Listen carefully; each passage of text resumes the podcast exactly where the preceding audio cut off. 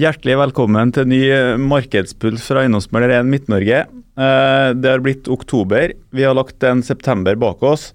Jeg heter Jørgen Rostad, leder for nybygg, og som vanlig så har jeg med meg min gode kollega Jan Håvard Valstad, som er leder for analyse, som skal gi dere en eh, oppsummering av eh, boligmarkedet i september. Ja, Jan Håvard, hva har du å si om siste status? Nei, Hvis vi går rett på tallene, så var jo boligprisslipp fra Eiendom Norge nå nettopp, for september. Der eh, var det i Trondheim, som for resten av landet, en tilbakegang i boligprisene. For Trondheims del minus 2,4% Det er mer enn det vanligvis går tilbake i september, for det er helt vanlig at prisene korrigerer litt tilbake i september. Eh, så det var 0,7% sesongjustert ned.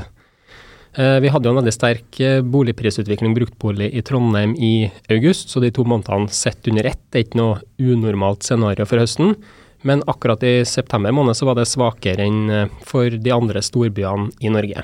Så langt i år så har vi en boligprisvekst i Trondheim på 1,7% Så har vi jo en forventning om at boligprisene fortsetter å tikke nedover de siste månedene av året. Dette henger selvfølgelig sammen med renteutviklinga. Eh, men at vi kommer ut på året med en liten tilbakegang, det er naturlig å tro. Um, for å prøve å spå litt, Jan Håvard. Um, boligpristallene var jo uh, Det var et lavere fall enn hva prognosene til Norges Bank uh, sa ved forrige rentemøte. Hva tror du det har å si for rentebanen videre fremover nå? Ja, nå har man vært forsiktig med å si at man har kommet til en rentetopp. Man fortsetter å sende signaler om at renta skal eh, opp og være på et høyt nivå over tid. Vi tror at psykologien i boligmarkedet vil endre seg litt på det tidspunktet at det kommer kommunikasjon rundt at man har kanskje nådd ikke en rentetopp, men et rentetak. At det blir liggende på et uh, nivå rundt uh, litt over dagens nivå mm. en stund fremover. Mm. Så ser vi at nå uh, har jo tilbudet av brukte boliger i markedet økt vesentlig. Så vi har gått fra det som var et tilbudsunderskudd, svært stor etterspørsel på hver enkelt objekt gjennom 2020, 2021, 2022, uh, til at vi nå er der at det er kjøpers marked. Det er mange boliger å velge i, og derfor så tar man seg bedre tid når man skal handle. Men likevel så ser vi at boliger solgt i september er solgt i snitt bare etter én måneds liggetid. Så det er ikke noe dramatikk i det foreløpig. Og det som er litt snedig, er at vi ser at på tross av at prisene nå har tikka litt nedover flere måneder siden vårparten, så er omsetningsvolumet fortsatt bra. Så det ser ut som at boligselger i større grad enn ved tidligere omstillinger har innfunnet seg med at prisene har gått litt ned, kanskje også skal videre ned, og derfor er villig til å gå ned under egen forventning og egen prisantydning for å få til en handel og komme seg videre.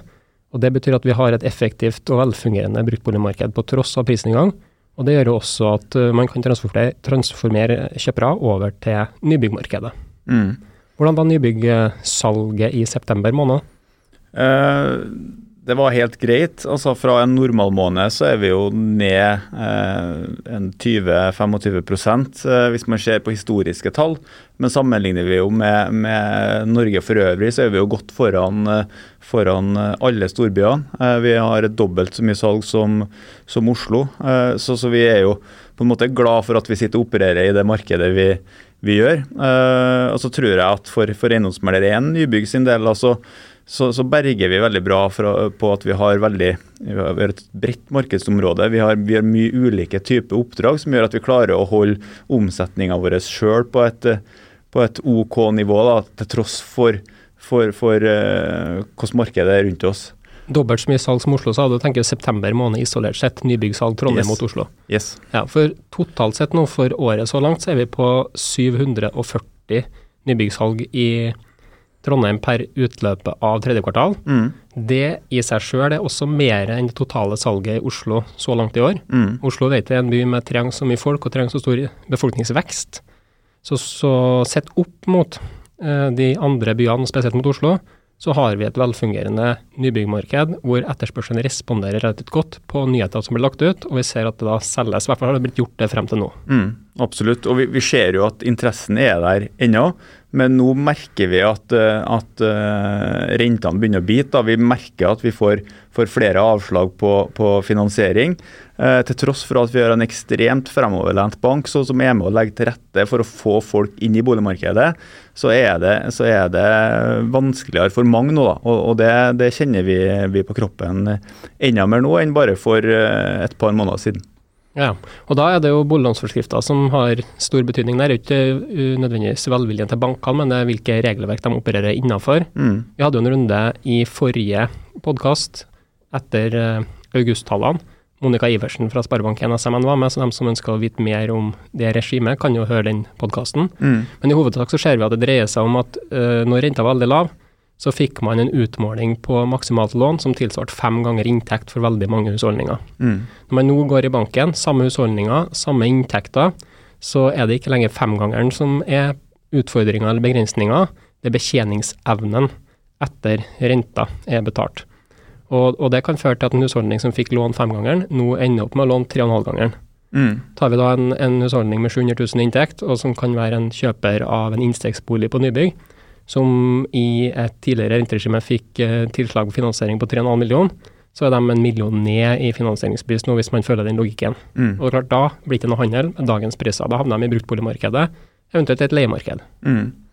Og, og, konsekvensen av, av det på nybyggsida vil jo være at vi får uh, mindre igangsettinger, vi, vi, får, vi får mindre prosjekt i markedet.